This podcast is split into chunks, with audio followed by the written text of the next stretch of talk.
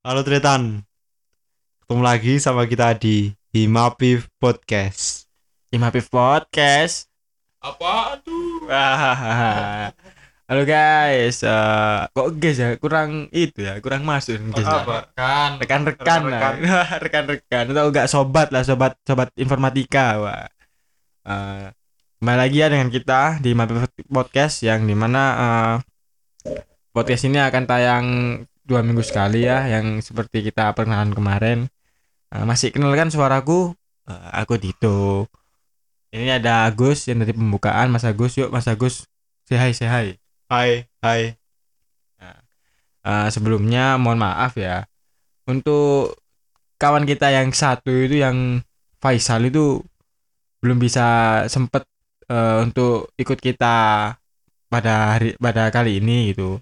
Tapi tenang, kita sudah mendapatkan gantinya, cadangan lah intinya. Ada Mas Rama yang juga dari Intra 5 Pif. Yuk Mas Rama kenalkan perkenalkan diri. Halo adik-adik manis. Sebelumnya eh, aku mau kenalan dulu ya. Eh, namaku Ramandra Sawardana.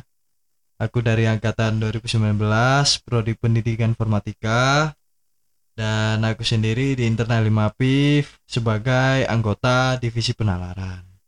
Nah, yuk Mas Dito. Itu tadi Mas Rama apa Kak Seto itu tadi ya? Kasih tau deh. Kak Seto kelihatannya. Lama. Wah, Kak Rama ya. Oke. Eh, sebelumnya juga eh, kami eh, mengucapkan semangat buat teman-teman yang lagi mengerjakan proyek-proyek UAS ya. Eh, semoga kalian diberi kesabaran dan kekuatan untuk eh, mengerjakan proyek-proyek tersebut gitu. Khususnya juga untuk semester 4 dan semester 2. Yuk yuk semangat. Kurang Ya, semangat, ya, semangat, semangat, yuk, Semangat, semangat ya. bisa harus bisa gitu.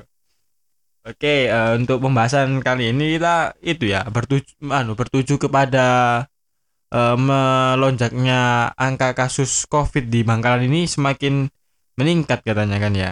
Iya gitu. Eh, dari zona merah mau ke zona hitam. Dan eh, seperti yang kita tahu ya masyarakat Bangkalan dan mahasiswa-mahasiswa UTM juga eh, tahu bahwa kemarin juga ada kericuan ya kan ya. Cuk, chaos. Eh, chaos di de- demo gitu di status WA. Itu sih teman-teman yang sambat katanya Fasilitas negara diobrak api. Oh. Teman-teman juga sambat ya di di apa status WA tentang juga eh, isu juga dari apa asrama UTM itu mau dijadiin apa eh, jadiin rumah sakit. rumah sakit darurat sakit gitu darurat.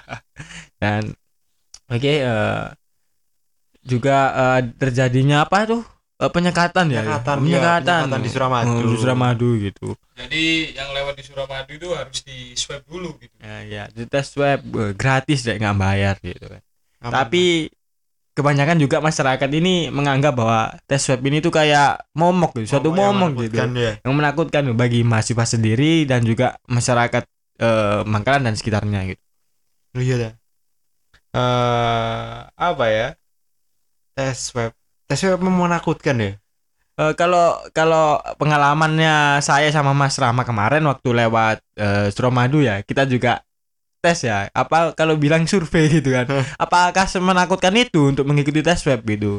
Surveinya tes. Jadi banyak tes kita eh, mencoba untuk nye- menyeberangi Suramadu arah ke mau ke Surabaya. Nah, itu kita coba untuk mengikuti tes web ya.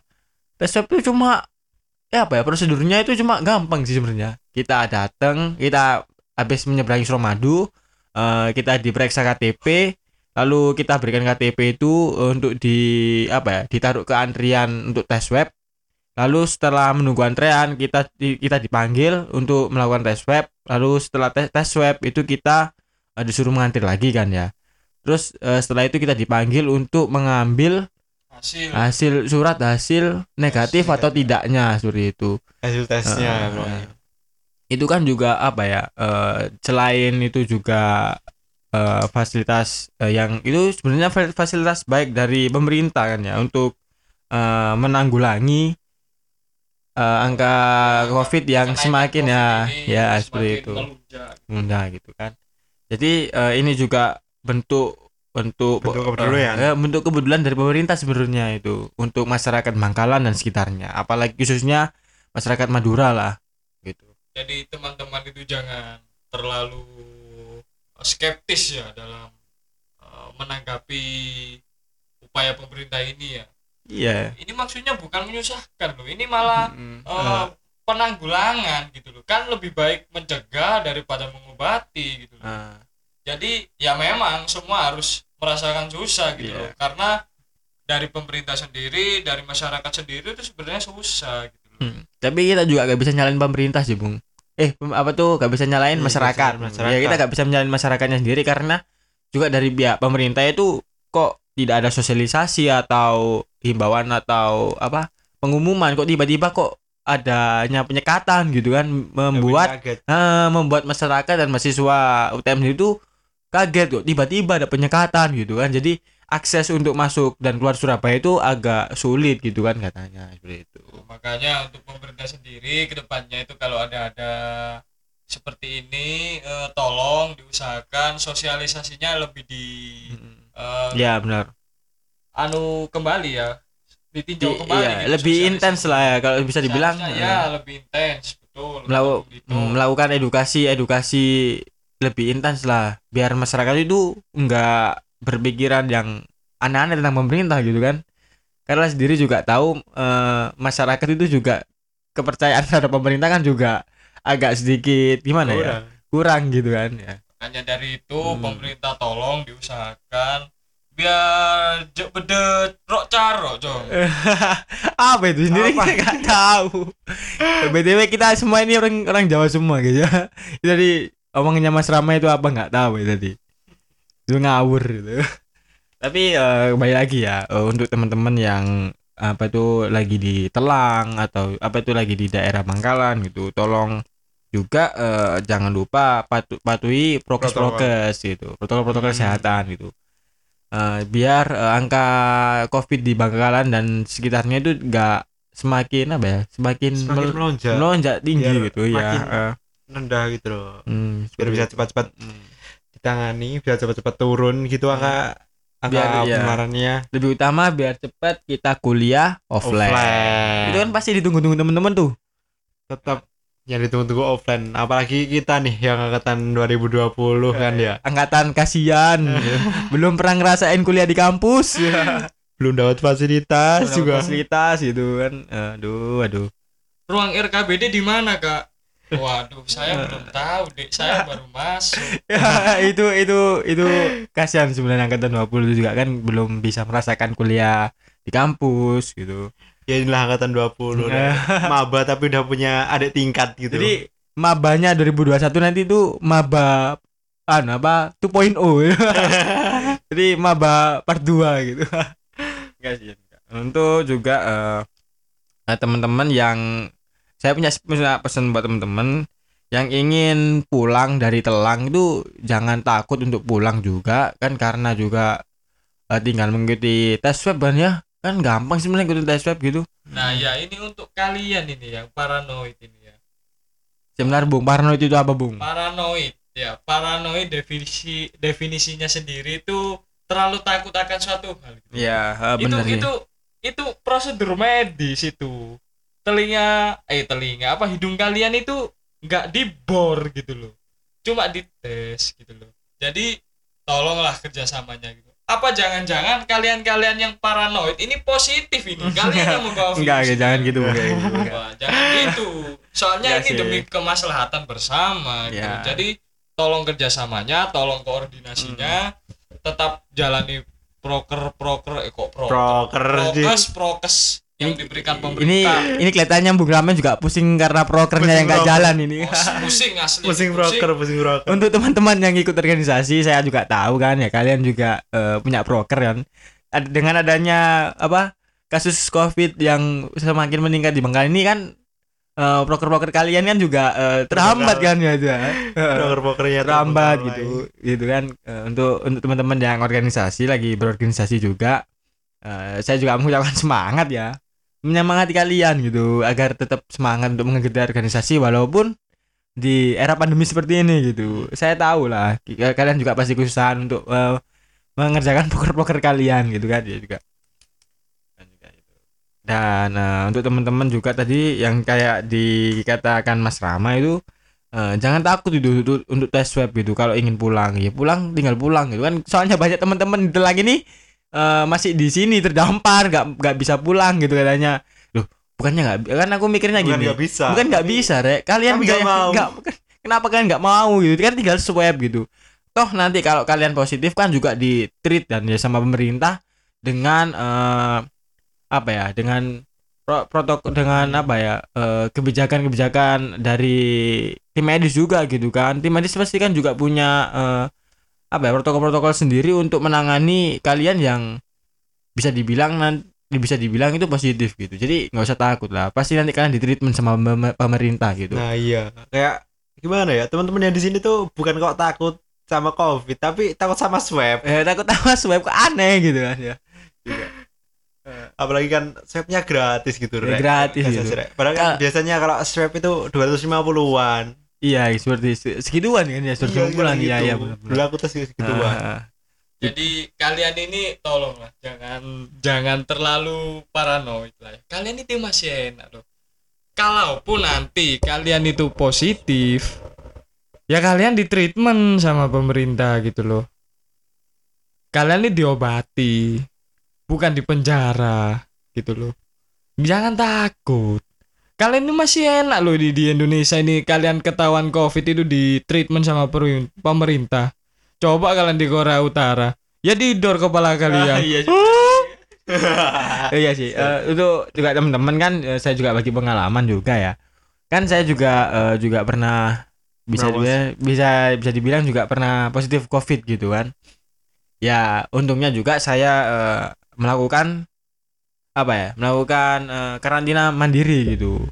Dan teman saya pun juga ada yang pernah kena itu dia itu di karantina di sebuah hotel lah. Nah, di Enak Surabaya di sebuah hotel juga bisa dibilang juga ternama juga yang dijadikan dijadikan rumah sakit darurat gitu. Apa enggak enak coba? Kan enak di gitu. hotel, ya di hotel temanku dua minggu. Itu katanya dia kalau cerita ke aku tuh kayak setiap hari itu makannya ayam gitu wifi juga ada fasilitas lengkap kamar mandi bagus gitu kan Kayak gimana gak enak coba? iya Eh, Coba dibayangin aja. Coba dibayangin aja. Dua minggu di hotel, habis berapa? Ya sih, tapi kalau kalau itu menurutku juga eh, beruntungnya dia di hotel. Iya, iya sih. Juga ada yang juga ada yang di eh, karantina di rumah sakit lah. Hmm.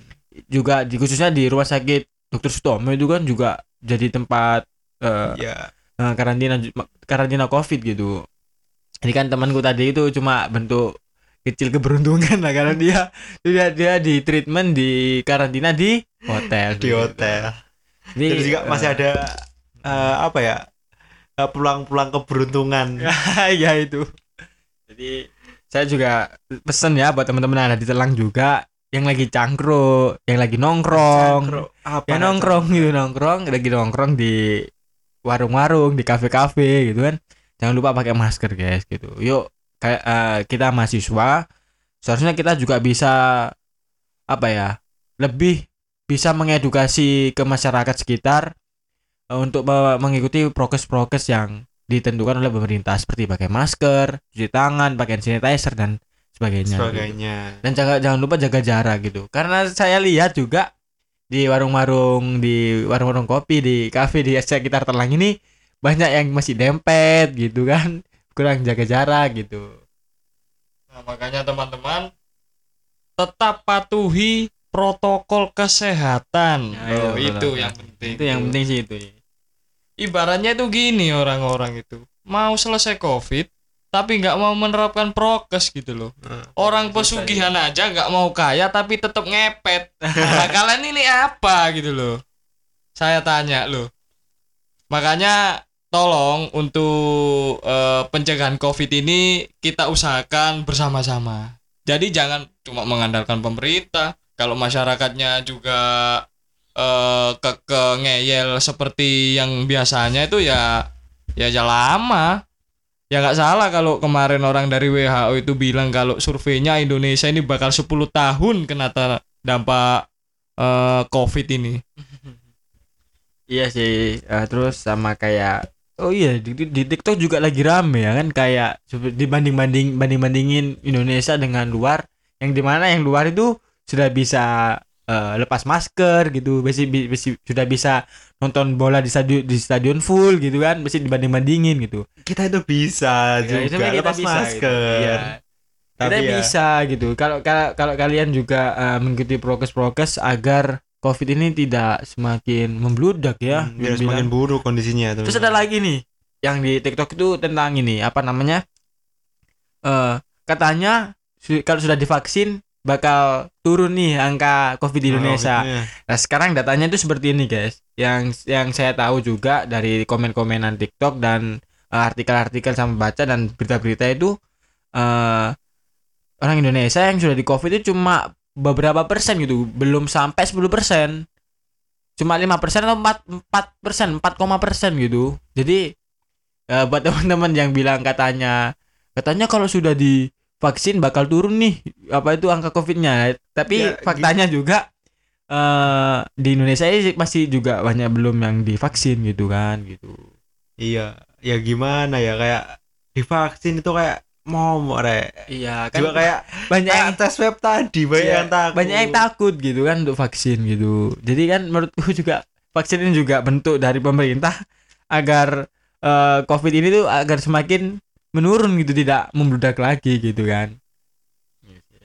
Tenang aja teman-teman. Vaksin ini bukan T virus gitu loh. Kalian nggak bakal jadi zombie. Yang nggak tahu TV di, di virus itu virus itu adalah virus yang ada di Resident Evil jadi oh juga ini sebenarnya covid juga eh, memusingkan semua mahasiswa ya apalagi yang tadi ya sudah saya kita bilangin tadi kita bilangin tentang online kok berkepanjangan itu kan pasti kan kalian pusing gitu. Ya, pusing lah. Gimana agak pusing? Ya kayak gini nih ya, kayak gini kalian ngerjain apa ngerjain ya lagi ngerjain proyek project Apa gitu. Ngerjain project. Saya yakin nih teman-teman dari teman-teman IMAPIF atau eh, te- teman-teman pendidikan informatika atau teman-teman mahasiswa lain di UTM itu eh kader bukan kader ya apa Pen- penerimaan Penerimaan materi ini materi. masih kurang sebenarnya kalau online kan ya apalagi eh, masih banyak yang matkul-matkul itu butuh tatap muka seperti Tatap praktikum muka. gitu kan kalau praktikum ini penting guys ya kalau kita praktikum sudah nggak paham tiba-tiba dikasih project waduh pusing pusing itu pasti kan ya Iya tapi ini ada satu kasus lagi loh ini. Ini dampaknya besar ini. Soalnya gara-gara eh, kasus di Suramadu kemarin itu imbasnya itu jadi saling apa ya? Saling eh, pecah antar golongan gitu loh.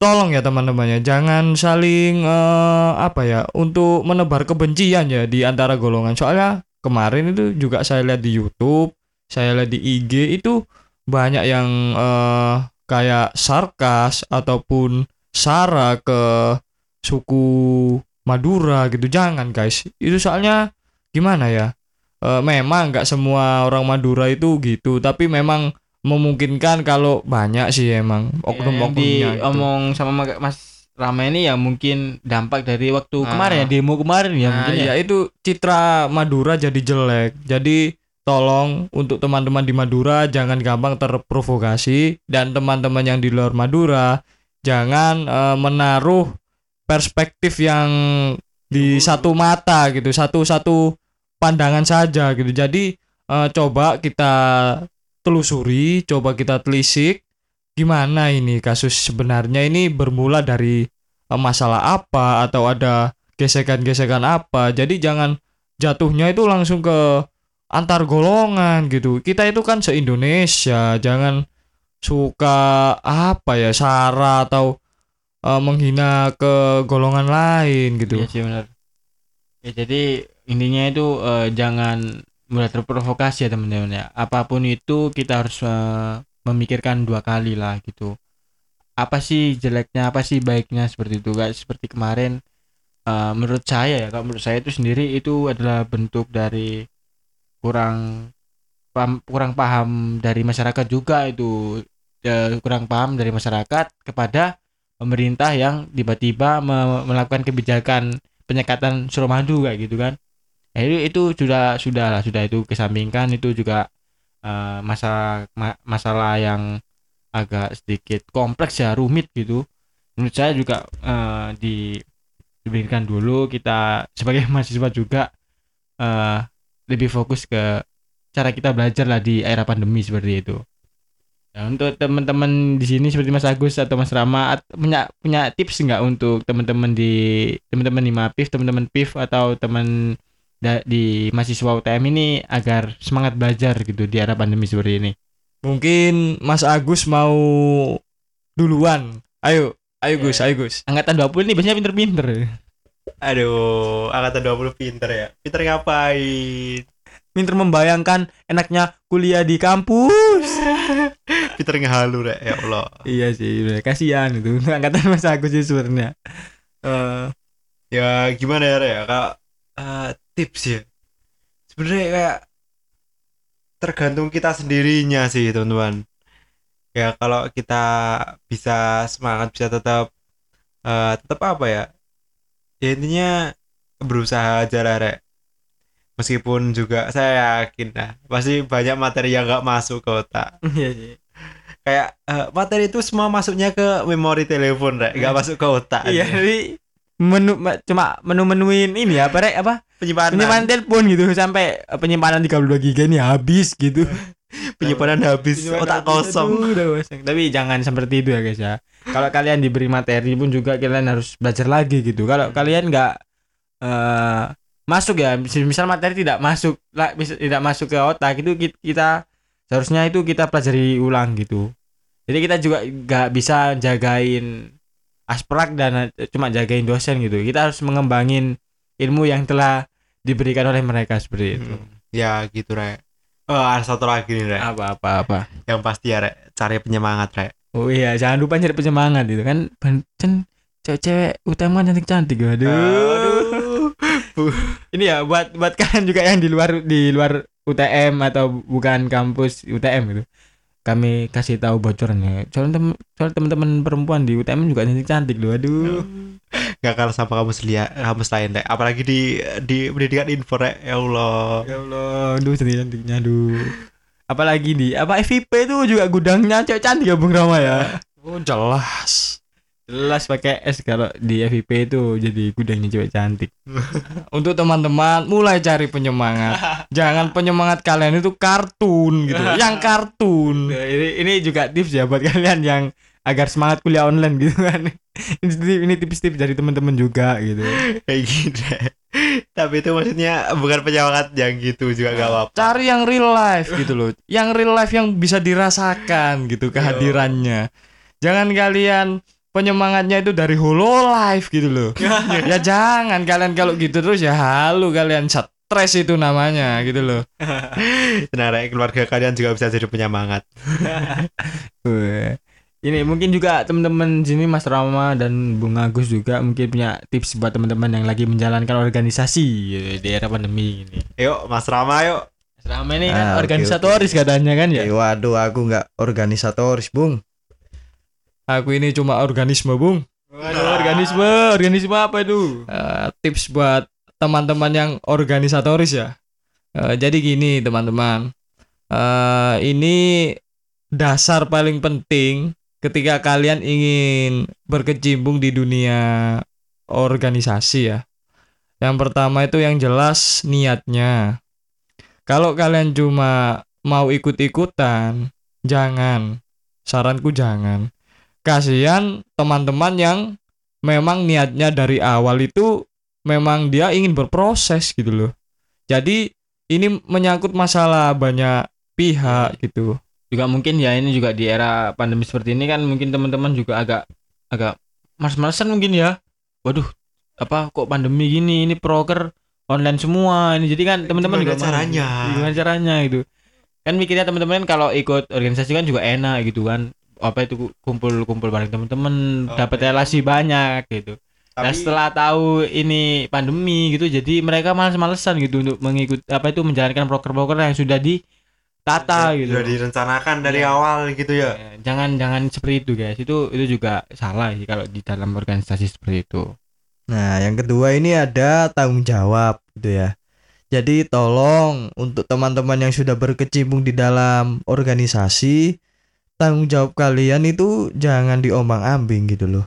Masalahnya kalau kalian masuk di suatu keanggotaan dan posisi kalian itu seperti CO ataupun ketupel, triple dan yang lain-lain itu kalian harus benar-benar bertanggung jawab gitu. Jangan cuma kalian menunggu respon atau menunggu eh, kayak kerja kinerja dari anggota kalian gitu. Kalian juga harus gerak begitu.